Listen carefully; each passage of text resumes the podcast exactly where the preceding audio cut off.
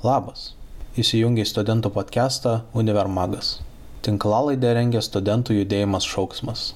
Prie mikrofono aš, Kestutis Grumanas. Šiandien su medicinos mokslo daktaru profesoriumi Dainimi Pūru kalbėsime apie sisteminius studentų psichikos veikatos veiksnius. Prieš pradedant norime padėkoti mūsų remėjams. Primename, kad mus paremti gali per patreon.com pasvirasis brūkšnys šauksmas. O dabar studentų naujienos.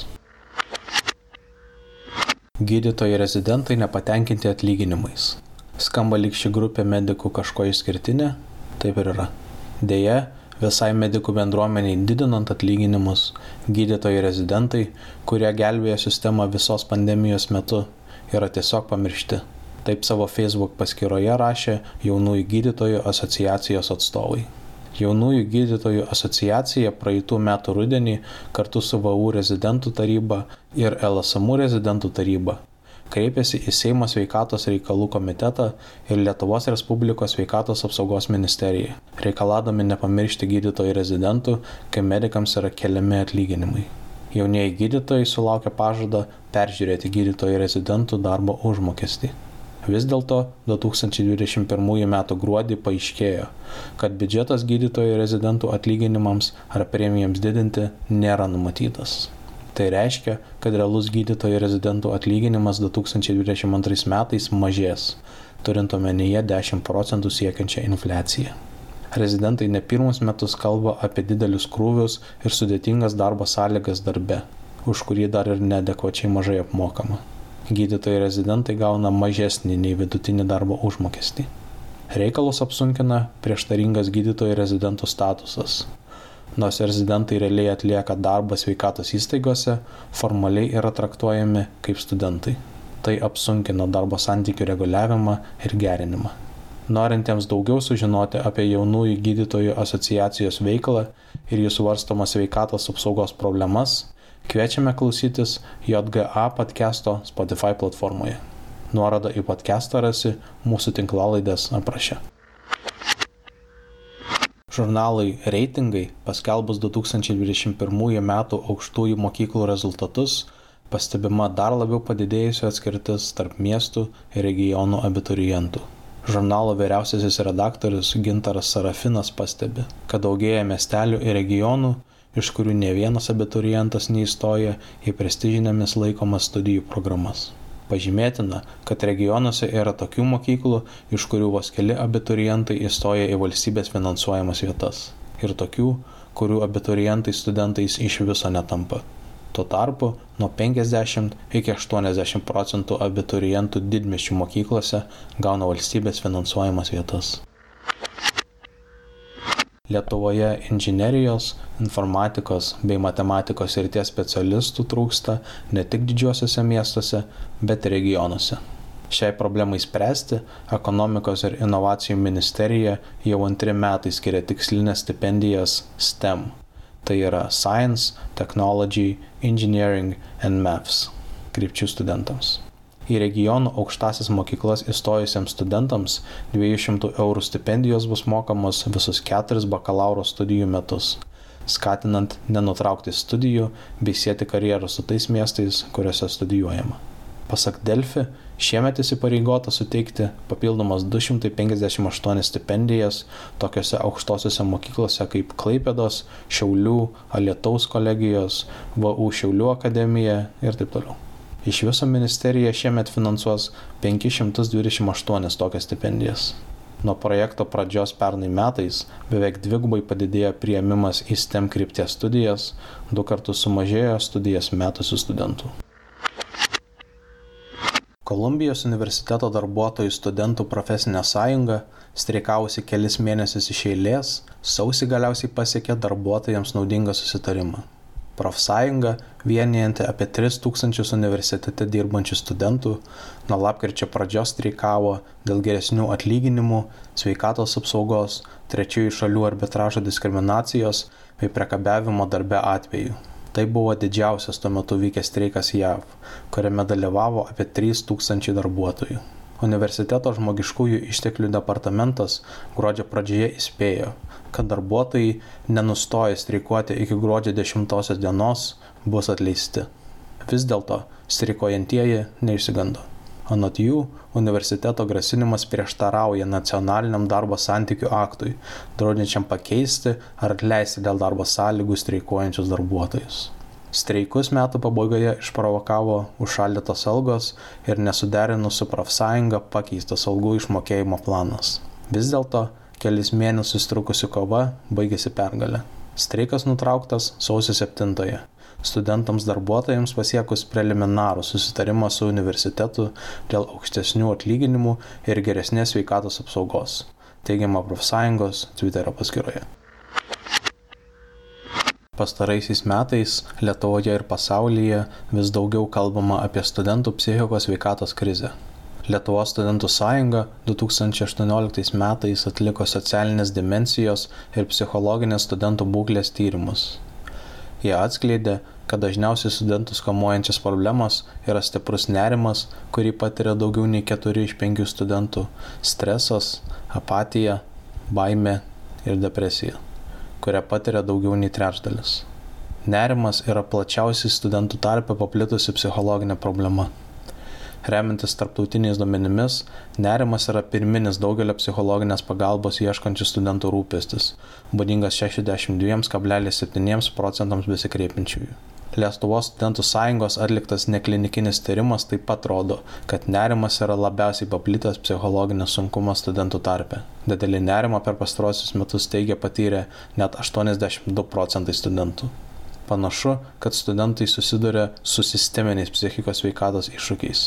Norėdami geriau suprasti akademinės bendruomenės psichikos veikatą ir ją veikiančius sisteminius veiksnius, kalbame su Dainiumi Pūru, medicinos mokslų daktaru, psichiatru, visuomenininku, sveikatos politikos ekspertu ir aktyviu žmogaus teisų Lietuvoje atstovu. Sveiki, dėkui iš pokalbį.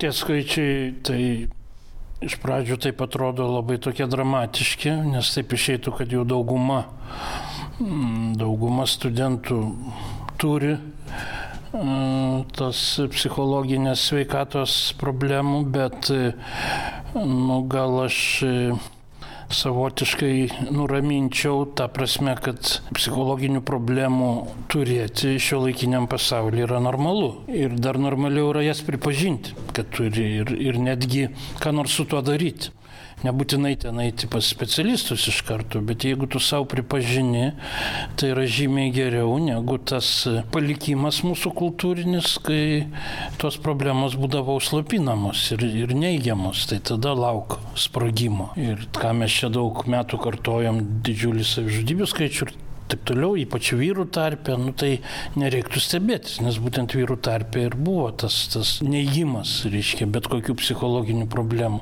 Tai aš tom nenoriu pasakyti, kad čia nieko mes nedarykim, bet e, čia gal aš išvelgiu tokią pasaulinę tendenciją, su kuria teko man susidurti, na, tarptautinėje orbitoje diskutuojant, kad e, galbūt pasaulis per daug nuėjo medicalizuojant e, kasdienio gyvenimo normalius variantus. Nu, tai tai žmonės jaučia nerimą padidintą, čia iki pandemijos buvo tyrimas, bet nu, per pandemiją jaučia padidintą nerimą. Nu, tai aš tokį kelčiau tokį provokatyvų klausimą, tai gal normaliau reaguoja tie, kur jaučia padidintą nerimą, negu tie, kur sako, man zin, čia nieko, nieko iš vis nėra, ko jūs čia.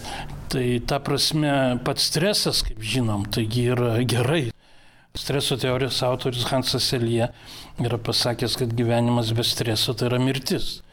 O kas yra negerai, tai už, užsibūti strese ir patirti užsitęsusi distresą, tai tada, taip, tada mes turim spręsti klausimą, ką su tuo daryti.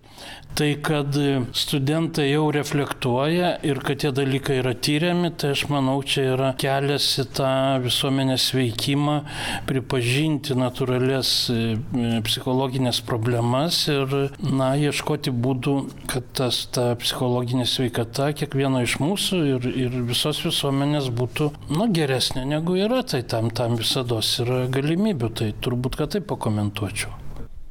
Kokias pažeidžiamiausias studentų grupės išskirtumėte? Nu, tai čia tada su tom pažeidžiamom grupėm tai tokia visa yra istorija, kad jų yra daug ir jų gal ir sąrašas toks niekad nėra baigtinis. Nu, pirmiausia, ateina į galvą šiaip grupės, kurios šiaip visuomenė yra pažeidžiamos, tai, tai kadangi tokių žmonių yra tarp studentų, tai yra tos, kurios paliestos arba smurto ir diskriminacijos, arba socialinės neligybės, socialinės ekonominės. Tai jeigu sakysim, studentai patiria smurtą, kas, kas būdingiau yra moterim, tai, nu, tai ne, ne, tik, ne tik tos moteris, kurios yra studentės, bet mes šiuo atveju kalbam apie e, studentus, tai apie moterų studenčių psichikos sveikatą kalbėčiau, be jokios abejonės žmonės su negale. Man teko čia e, dalyvauti tokiam projekte, tai mes dabar dirbam su studijų skyriais universitetų ir kolegijų, kaip padėti pristaikinti universitetam ir kolegijom prie padėti prisitaikyti, kad galėtų tinkamai studijuoti žmonės su negale. Ir man buvo numatytas modulis žmonės su psichosocialinė negale. Tai aš labai džiaugiausi, nes prieš kokį dešimt metų, nu, tai sakytų, psichosocialinė negalė, tai čia moderniškas, e, modernus terminas, sakysim, psichikos lygoms. Tai prieš, prieš dešimt metų sakytų, kokie, koks universitetas, gydytis, reiškia, psichikos lygą ir ten apsiformink neįgalumą ir, reiškia, ir, ir gerk vaistus, reiškia. Tai dabar jau mes nu, mokinam universitetus, kaip padėti žmogui su psichosocialinė negalė studijuoti. Bet, bet jie, aišku, išlieka rizikos grupė Autizmo spektrą aš paminėčiau, kur yra dabar nu, vis daugiau kalbama jau Lietuvoje, nes, nes jie gali būti mm, be galo talentingi ir tuo pačiu pažeidžiami. Reiškia, mes žinom, kiek daug e, garsių mokslininkų ir Nobelio premijos e, laureatų turėjo tą autizmo spektrą, tai vadinamą Aspergerio sindromą, bet jie, jiem kasdieniam gyvenime jiem nėra lengva ir tą irgi reikia atsižvelgti dirbti pagal naują tą koncepciją, kur e, žmonių su negali teisų konvencija atnešė, kad jau nebe tų žmonių kojose ar galvose yra problema, o aplinkoje. Ar mes sukūrėm kliūtis, ar mes pašalinam kliūtis tiem žmonėms savo galimybės realizuoti. Viskas tas tinka ir, ir studentijai. Aišku, LGBT grupė, tai čia be jokios abejonės yra ir pač homofobiškoje ar transfobiškoje aplinkoje išlieka rizikoje. Tai aš tik džiaugiuosi, kad bent jau studentijos tarpe vis mažiau tos homofobijos, dar tik manau, kad su dėstytojais dar reiktų padirbėti, bet, bet jau, jau, bent jau bent jau aukštosiuose mokyklose reikalai tai, taisosi. Ir, ir aišku, tie, tie jauni žmonės, kurie neturi, e, na, kaip sakyti, pajamų. Tai vienas dalykas, kai, tavo, kai, kai tėvai, reiškia, padeda per studijas, e, kitas dalykas, kai, kai reiškia, pats tu turi išgyventi ir derinti tada su, su įsidarbinimu, tai, tai manau, tada irgi patenki į tam tikrą, į tam tikrą riziką. Kokios yra pagrindinės studentų psichikos veikatos problemų priežastys? Kaip studentų psichikos veikatą gali veikti už universiteto ribų išeinantis veiksniai? Darbas studijų metu ir tos sąlygotas didelis krūvis, socioekonominis, finansinis nesaugumas ir neaiškios ateities karjeros perspektyvos. Na taip, tai, tai čia turbūt neišvengiamai reiktų mums paminėti tą besitęsiantį labai įdomų diskursą tam visam vadinamam Global Mental Health pasaulyje, kur jeigu prieš, sakysim, 40-50 metų vakarų pasaulyje dominavo psichoanalitinis požiūris ir faktiškai visą šitą sritį buvo už, užvaldęs psichoanalitinis mąstymas su savo ten pliusais ir minusais, Tai po to vakaruose įvyko persisotinimas ir jau dabar 40 metų kaip dominuoja biomedicininis modelis. Reiškia, nustatoma diagnozė ir paskiriamas gydimas ir dažnai jis būna medikamentinis. Ir mūsų regione ir Lietuvoje to yra dar daugiau, nes mes ir sovietų tą atsinešėm. Pas mus nebuvo buvo psichoanalizės, tai mes tą atsinešėm iš sovietų, o kai sienos atsidarė, tai tas pradėjo eiti iš vakarų, nes ten prasidėjo ta prozako era ir tada jie įtikėjo per stipriai į, į tai, kad, nu, jeigu žmogus blogai jaučiasi, jeigu jam yra depresija ar bet kokia kita diagnozė, nu, tai tai yra apie cheminį disbalansą smegenys ir tai, tai rašo iki šiol vadovėliuose kai tuo tarpu jau aiškėja, kad tai buvo hipotezės, kurios niekaip kol kas nėra patvirtintos. Jokio, jokio, jokių markerių, jokių biožymenų, nei vieno psichikos sutrikimo nėra, nėra rasta. Tai, tai va tam fone dabar e, ir pasaulyje e, atsigauna vis labiau mokymas apie psichosocialinius faktorius. Reiškia, kitaip sakant, kad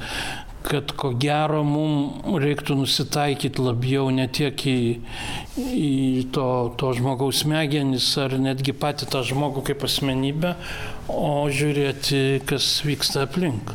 Artimoje aplinkoje ir to, tolimesnėje aplinkoje. Kitaip sakant, e, kas vyksta santykiuose su artimiausiais žmonėm ir kas vyksta sociume. Tai sakysim, Dur, Durkheimui buvo aišku, XIX amžiaus e, pabaigoje Durkheimas parašė garsę savo monografiją apie suicidą, reiškia, ir jam buvo aišku, kad, kad nesmegenyse reikia ieškoti.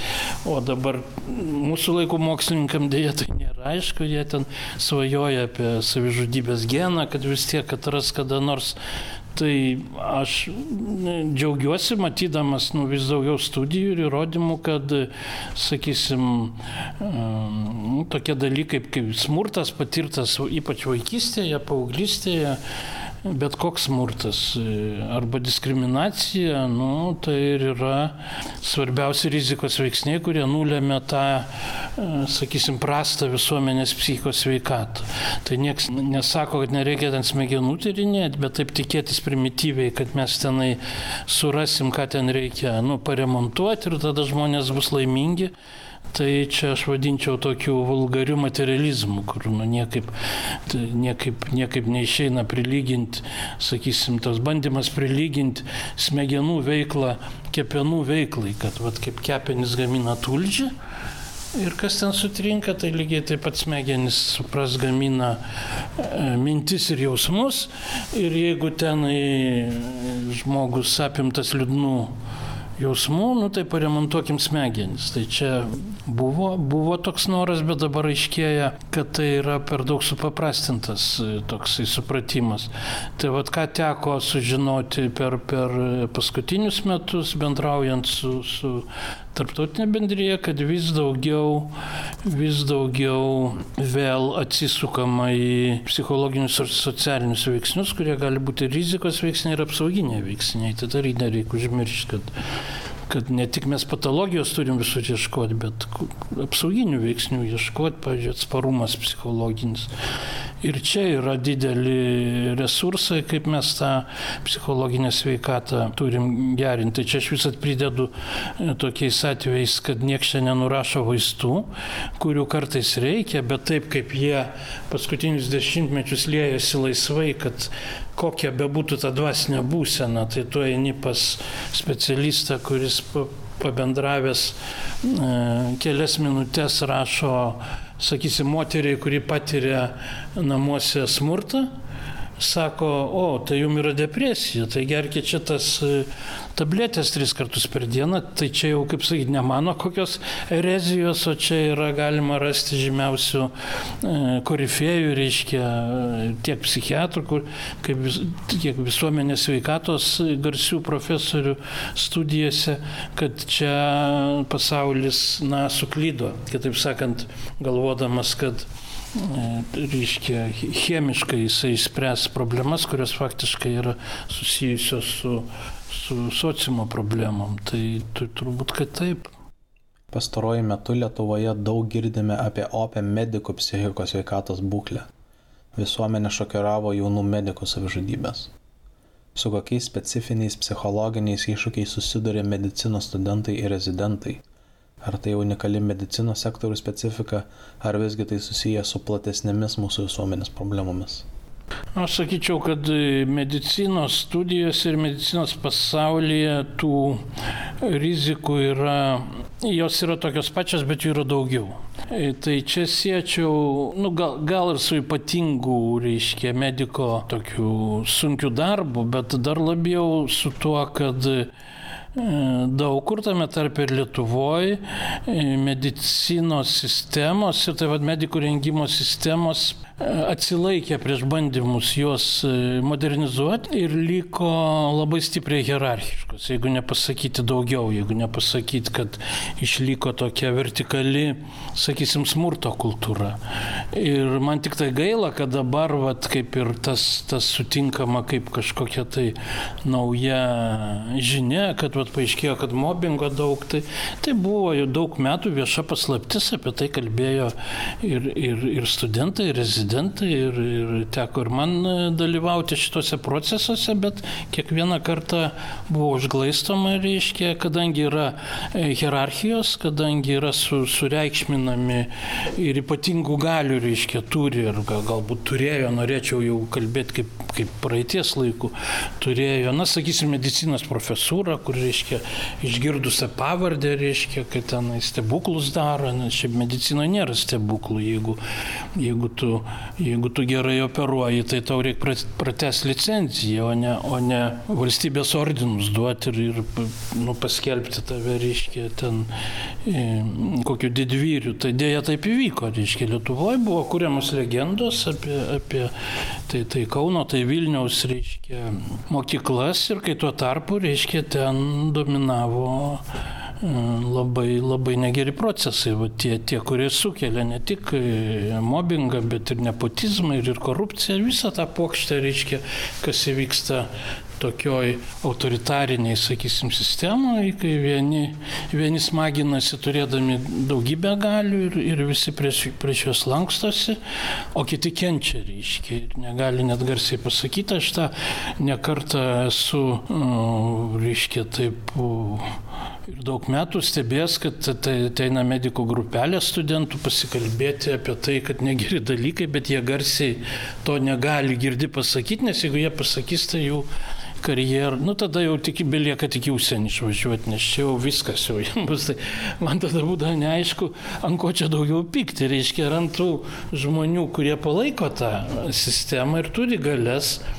ar ant tų nugalintų studentų, kurie iki šiol, nu aš taip jiem ir sakydavau, kad Stalinas seniai mirė, bet jie gal net nežino, kas tas Stalinas, reiškia, sakau, tai kodėl jūs ne, ne, neviešinat, nu tai ir jie vėl demonstruodavo nu, baimę, ant kiek jinai tikra, ant kiek jinai pagrista, man sunku pasakyti, bet jeigu sistemoje dominuoja toks įsitikinimas, kad jeigu tu pas, pradėsi, reiškia, kaip sakyti, atviriau veikti, tai, tai, tai, tai tau bus blogai.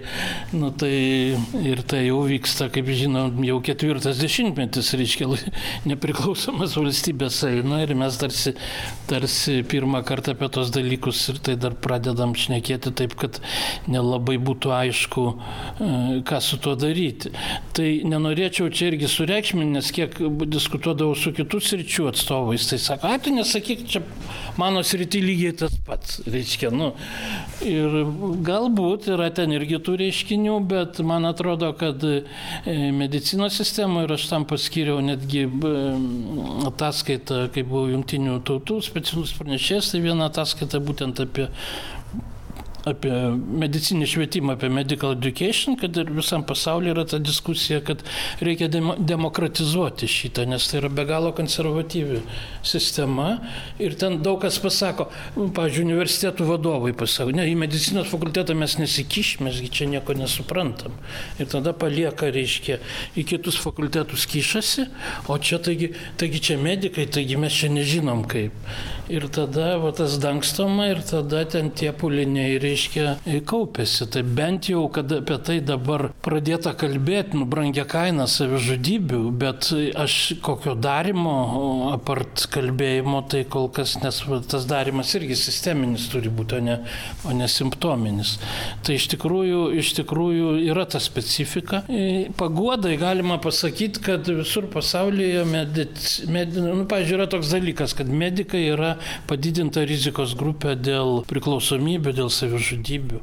Nu tai čia ne, jau ne, negali sakyti, kad čia mūsų regiono problema, čia yra visur. Galbūt per didelės ambicijos žmonių, kurie nu, sus, susikaupė vienoje vietoje, bet čia nu, nenorėčiau taip ne, ne visiškai atsargiai, nu, kaip sakyti, hipotezės reikšti, bet kad tai yra e, padidintos rizikos tokias rytis dar ir dėl tų tokių tradicijų, kaip pas mus vat, yra žmonių, kur žodį tradicija visada vertina kaip, kaip teigiamą, ne, nu, tai tradicinės vertybės, ne, tai čia, tai čia kitos, čia tos e, ne šeimos, bet, e, į, į, sakys, medicinos pasaulyje yra tiek daug tradicinių vertybių, kad padorumu laikomas nuolankumas, paklusnumas, užsidengimas prieš korupciją, iki šiol laikomas padorumu, nes jeigu tu, nu, ką nors išviešinsi, nu, tai tugi, taigi negalima, tai ypač, ypač jeigu tu kritiškai apie e, autoritetų šnekėsi ir tada suparaližuota ta visa sistema. Ir aš manau, kad būtent šitoje srityje susikaupė daugybė nu, žalingų tradicijų, kur mums reikia jas demistifikuoti ir, ir kaip sakyti, remtis geriausiom pasaulio praktikom, kur vėlgi medicinui, medicinos sistemai reikia, reikia demokratinių, reikia, reikia skersvių tokių, kur, kaip sakyti, pravedintų tą, tą, tą tokią labai, labai per daug konservatyvę ir tradicinę sistemą, bet daug kas pasakys, nu, va, matai, čia e, kritikuoji tu mus, tai yra ne, negerai, negražu. Tai šitą, šitą, šitą tenka dar dėja ir, ir, ir šiais laikais girdėti. Studentų savivaldos atstovai dažniausiai bando prastos studentų psichikos veikatos problemą spręsti didindami psichologinės pagalbos prieinamumą ar individualios prieigos sprendžiant tokio masto problemą pakanka? Nu, labai svarbu surasti tinkamą balansą e, tarp kelių svarbių dalykų. Taip, aišku, reikia padėti žmogui, kai, kai jam yra e, prastai, sakysim, su, su psichikos sveikata. Ir kartais tai, vėlgi netgi vaistų reikia, bet sakyčiau, kad, kad dažniau nereikia, nereikia. Tada reikia tos vadinamos psichologinės pagalbos, kurią galbūt ir ir akcentuoja studentų atstovybė, tuo labiau, kad pas mus neišplėtota. Tai reiškia, pas mus nėra prieinamumo, pas mus yra out of pocket. Reiškia, jeigu turi pinigų, tai jau ne tik Vilniuje ir Kaune, bet šiaip Lietuvoje yra daug, sakyčiau, gerai dirbančių psichoterapeutų, bet tau reikia pinigų turėti, nes nu, tai nėra vienkartinis nuėjimas.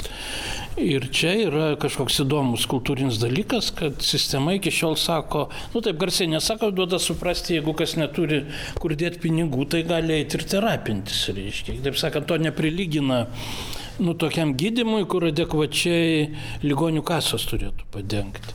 Tai tokia diskriminacija išlieka, bet aš sutikčiau su tuo, kad galbūt mes per daug tikimės iš individualių bandymų nu, paremontuoti žmogų ar, arba vaistais, arba psichoterapijom, kurių ten keli šimtai yra įvairiausių.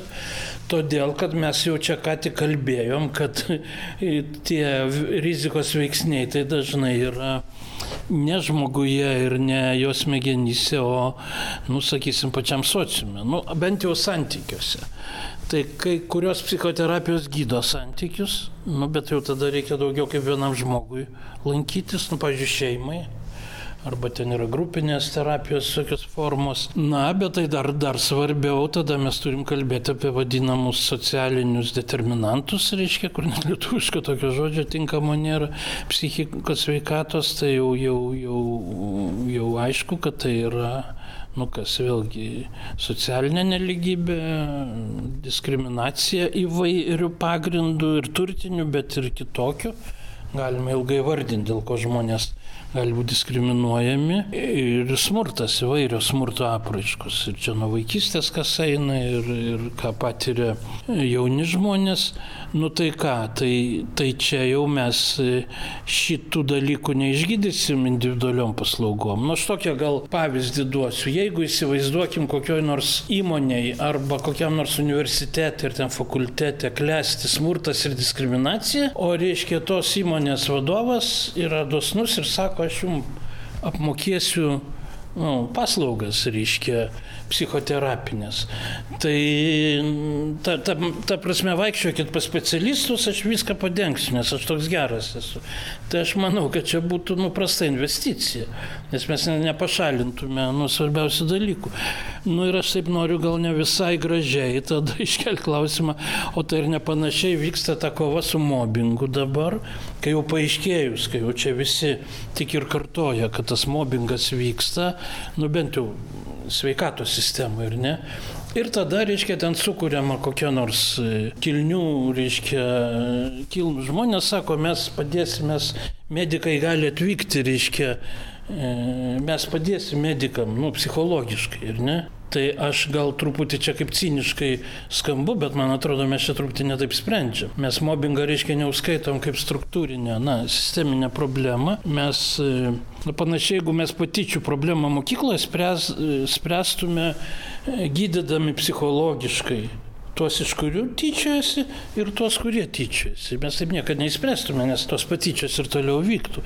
Tai mokyklos jau suprato, bent jau keli šimtai Lietuvos mokyklų yra, kur vyksta e, patyčių prevencija. Nu, tam, tam, tam lygiai, kad keičiama kultūra, e, nu, bendravimo kultūra ir tas atsiranda, kaip sakyti, nulinė tolerancija patyčiam, kitaip sakant, nebeusimerkia Žmonės nesako, aš geriau nieko nematysiu, nes nežinau, ką daryti. Tai, nu, tai panašiai turi būti sprendžiamos ir, mm, sakysim, tos ar tai mobbingo arba diskriminacijos problemos. Nu, mes žinom, kad savižudybių rizika susiję stipriai padidėja LGBT žmonių tarp. Ir tuo pačiu mes žinom, kokia situacija Lietuvoje, kai, kai iškyla klausimas dėl ten balsavimo, kokių nediskriminacinių įstatymų, tai vis dar laimi, reiškia, nu, kaip homofobinės nuostatos. Tai, tai tuo mes pasakome, kad mes bloginsim e, reiškia,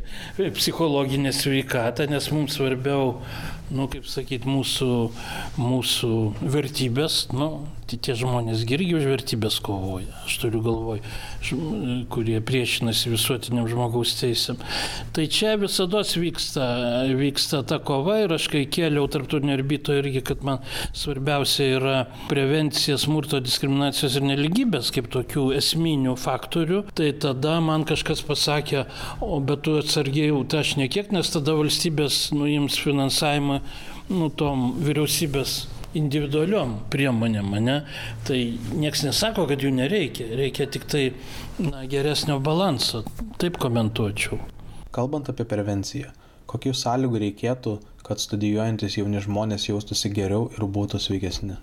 Yra bendros rekomendacijos, kaip būna, sakysim, vyriausybėm, tai ir pats, pats esu ne vieną e, teikęs, tai nu, jeigu negalima gal visiškai eliminuoti, stipriai sumažinti jau minėtus, e, minėtus reiškinius ir tada pridedama in all settings. Tai in all settings tai yra visur, kur žmonės gyvena, dirba, e, tai yra kas šeima, mokykla, darbo vieta, nu, aukštoji mokykla, e, bendruomenė ir plačioji visuomenė. Gal ką nors dar praleidau, bet e, esmė tame, kad visose šitose vietose reikia padaryti viską, kad būtų, nu jeigu ne nulis, tai kuo mažiau e, smurto, diskriminacijos, nu, socialinės neligybės, sakyčiau, dar socialinės neteisybės, kuris yra toks subjektyvus toks dalykas, kur, reiškia, žmonės jaučia, kad yra daug neteisybės aplink. Tu gali kaip nors objektyviai bandyti aiškinti, kad jam taip tik atrodo. Arba, pažiūrėjau, pagyvenę žmonės jaučia, kad e, sovietmečių buvo, reiškia, gyvenimas geresnis, daug kas pasakys. Dabar galima įrodyti ekonomiškai, kad nebuvo, netgi alkoholio mažiau galima buvo nusipirkti už minimalų atlyginimą negu dabar. Ir vis tiek tas žmogus sakys, ką tu man, ką tu man sakai, man tada geriau buvo. Nu, tai gerai, gal dėl to, kad jis buvo jaunas, bet jeigu didelė dalis žmonių jaučia socialinę teisybę, šiuo atveju ne tiek ne apie neligybę, bet neteisybę, kad nėra teisybės, kaip žmonės sako, tai yra rimtas signalas. Reiškia, arba, arba jauni žmonės, paaugliai, Lietuvoje vis Lietuva žemai ten atsidūrė pačiam gale lentelės Europai pagal pagal emocinę gerovę. Emocinės gerovės rodikliai Lietuvos paauglėjos studentai, tai sakykime, jau prieš penkias minutės buvo paaugliai, netgi vėlyvoji paauglystė yra ten pirmą kursą įstojus. Ir dabar jeigu dauguma tokių jaunų žmonių sako, aš jaučiuosi prastai, ypač su bendramžiais, su tėvais, su santykiuose, ir tada ateina politikai ir sako, nu, bet kad jie viską turi, nu, ko, tai jiem turėtų gerai būti. Bet jeigu didelis, didelis skaičius žmonių, vat, kad ir jūsų cituotose tyrimuose, sako, nu, šiaip prastai jaučiamės, tai siūlau gal mažiau medicalizuoti, patologizuoti, kad kokią di diagnozę nustatysim, o diagnozė tai prigalvota yra visiems gyvenimo atvejams, čia jau jų per daug prigalvota, bet mes turim va tada ir pagalvoti, ką, ką, ką signalizuoja e, tie didelės grupės žmonių pasakymai, kad aš jaučiuosi prastai. Reiškia, tai nu, aš vėl tada grįžčiau į, į prevenciją, e, būtent, kuri turi būti nutaikyta į santykius tarp žmonių ir mano minėtų va, šitų smurto diskriminacijos neligybės mažinimą. Tai čia aišku lengva pasakyti, sunku padaryti, nes tą reikia daryti per jau ne tik sveikatos politiką, bet per, per bendrą, bendrą e, valstybės politiką. Tai, bet tai ir yra aišku, kad sveikata, tame tarpe psichikos sveikata, priklauso mažiau nuo to, kiek ten mes į ligoninės įdėsim, o daugiau priklauso nuo, nuo to, kokia yra sociumo būsena. Tai gaila, kad mūsų, nu, pas mus tas, kaip sakyt, garsiai pasakoma, bet po to mažiau daroma. Bet e, jau, jau seniai buvo aišku, kad iki 90 procentų sveikatos tai yra nulemta kaip sakyti, to, kas vyksta aplinkui, tai ypač su, su, su sociume. Tai vat, su to susijus ir prevencija jin gali, būti, jin gali būti nukreipta į visą visuomenę ir nukreipta į tam tikras rizikos grupės. Ir kai kurios programos vyksta Lietuvoje, bet tokios gal nu, nepakankamai dar brandžios, nes, nes ten, sakysim, būna, kad finansavimas ten keli mėnesiai į priekį, tie metai baigėsi, tada ne, tai žiūrėsim, gal kitą metą bus, gal nebus, tai čia taip nerimta, čia reikia, čia turi būti testinės tos prevencinės e, programos. Gal žinote gerųjų praktikų pavyzdžių, kaip organizuojama studijų aplinka tausoja psichikos veikatą? Kokių yra efektyvių prevencijos ir pagalbos priemonių? Teko domėtis gal tik seniau, kad kai kurie universitetai domėjau savo laiku, tai Helsinkio universitetas turi Tai vienas iš būdų, tai turi, sakysim, centrus. Universitetai turi studentams skirtus psichikos veikatos centrus, kur yra maksimaliai e, tos paslaugos ir prevencinės, ir tos individualios pritaikytos būtent prie e, studentiško amžiaus problemų. Tai aš ne, nebūtinai čia labai stipriai rekomenduoju, nes čia yra pliusai ir minusai. Jeigu mes dabar kiekvienai atskirai grupiai pradėsim atskirus centrus, centrus, jau truputį kritiškai minėjau, kad jeigu mes medikam organizuojam atskiras paslaugas ar ne, tai aš labiau norėčiau, kad mes sukurtume bendrą sistemą, kur, reiškia, visi žmonės galėtų kreiptis, o mes dabar tarsi, tarsi tokiu uh, selektyviu būdu pasakom, dabar medikam ką nors organizuosim, ne, paskui dar gal mokytojam ar ne. Tai Nu, bet ten tose universitetuose, kur yra tie centrai, nu, tai ir studentai, ir, ir dėstytojai, tai žymė, kad nu, iš tikrųjų tas yra geras dalykas. Tuo labiau, kad ten susimetama brandžių būdų, ten Helsinkį, kai domėjausi, tai universitetas savo įnašą turi, miestas, e, valstybė nu, ir vat, kartu, kartu sudėjus resursus, reiškia, tu, yra tokia paslaugų e, sistema, bet dar dar labiau man būtų svarbu, kad tas studijų pats procesas, nu, jis būtų sveikas, kitaip sakant, kad nebūtų perlenkimų, kad arba per krūviai per dideli, arba va, tie visokie mobbingo kultūra, aišku, kad kažkaip būtų išeliminuota, kad būtų nu, skaidru, kad galėtų žmonės esant kokiam negerovėm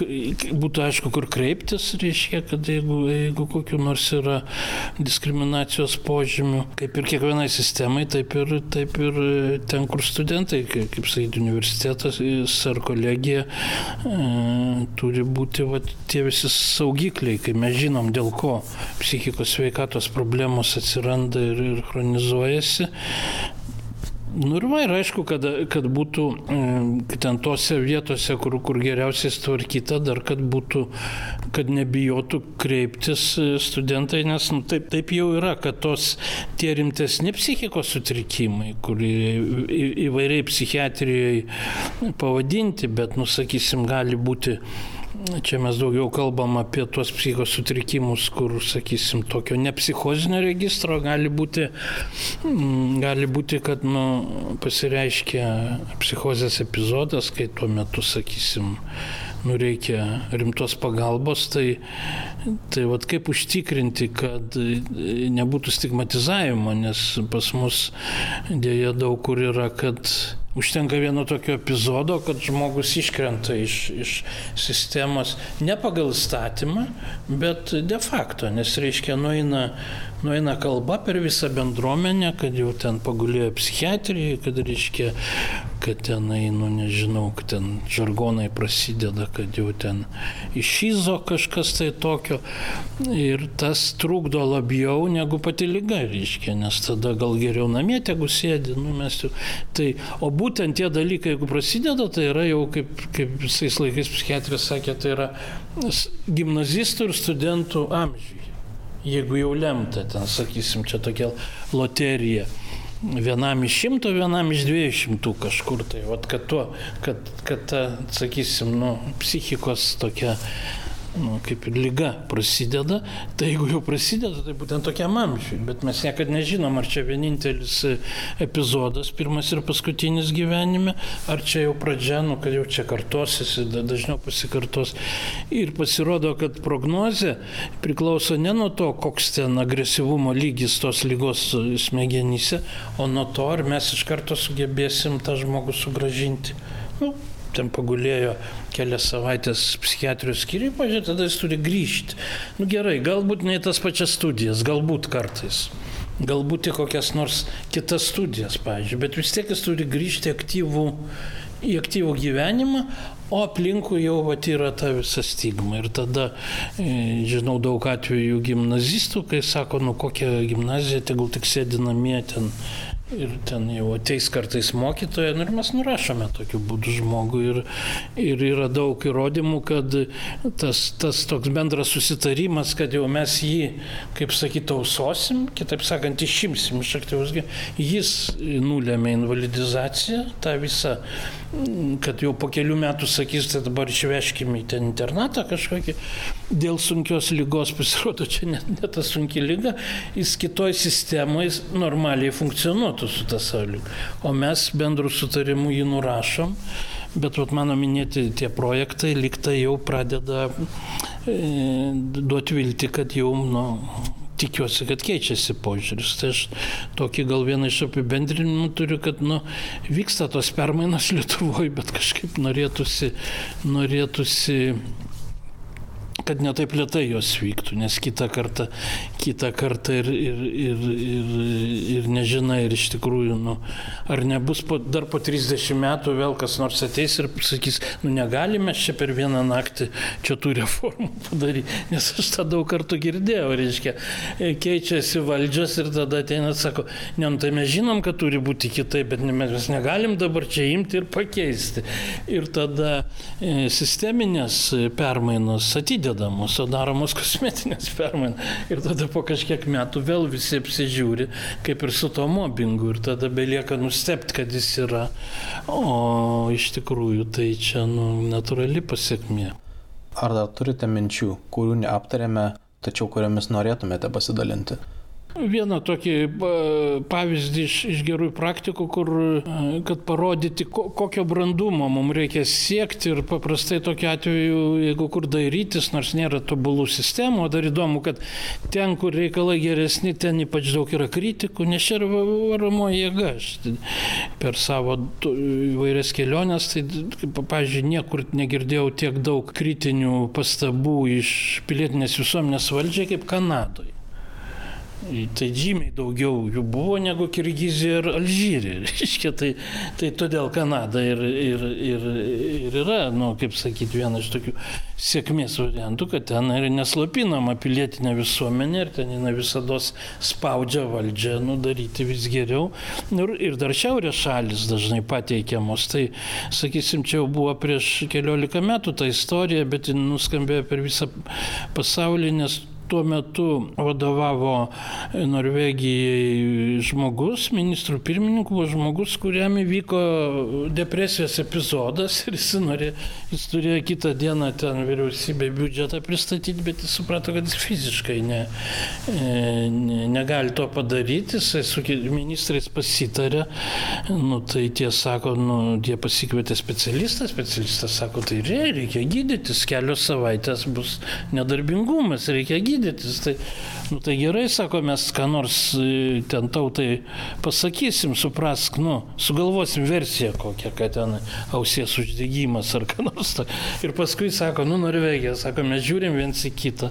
Sakom, kad kokiu pagrindu mes čia meluoti ruošiamės, reiškia.